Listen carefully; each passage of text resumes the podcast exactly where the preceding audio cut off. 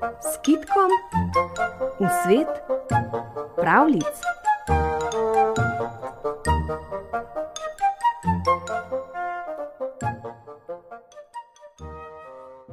Pred davnim časom, ko so bivali še velikani na zemlji, sta živela brata, ki sta morala staršem trdo delati, za plačilo pa sta dobila več udarcev kot jesti. Ko sta nekega dne cepila drva v gozdu pod velikim hrastom, sta sklenila pobegniti. Poslovila sta se in si obljubila, da se bosta čez pol leta zopet sestala pod istim hrastom.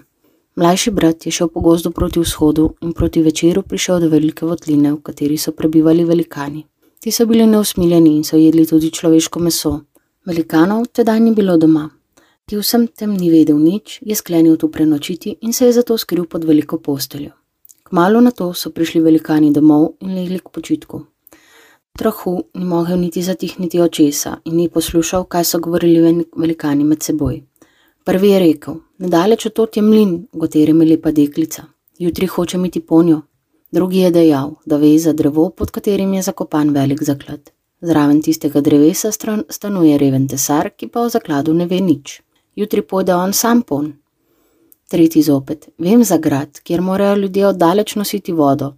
Takoj poleg gradu pa je kamen, na katerem sedi velika žaba, ter vajruje studenec, ki izvira skrit pod kamnom. To žabo hočem jutri ubiti in graščaku pokazati studenec skrit pod kamnom. Bogato me bo nagradil.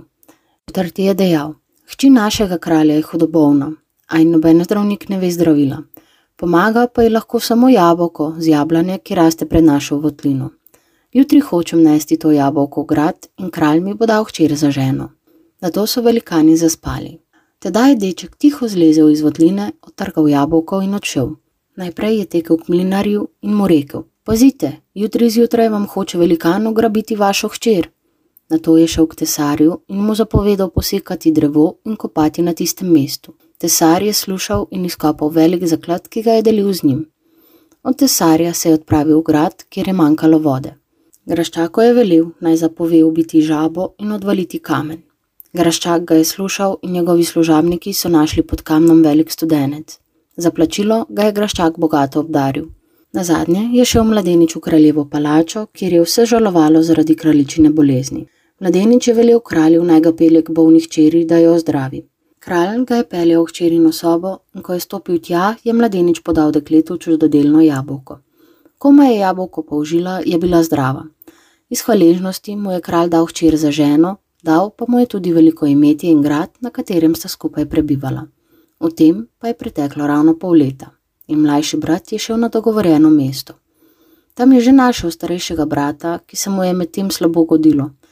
Pripovedoval mu je o svoji sreči in ga povabil k sebi na grad vendar pa starejši brat ni hotel iti z njim in je rajši šel v votlino velikanov. Upal je, da ga bo doletela enaka sreča kot brata. Legel je pod posteljo in čakal velikane. Ti so prišli zelo nezadovoljni, posod so namreč prišli prepozno.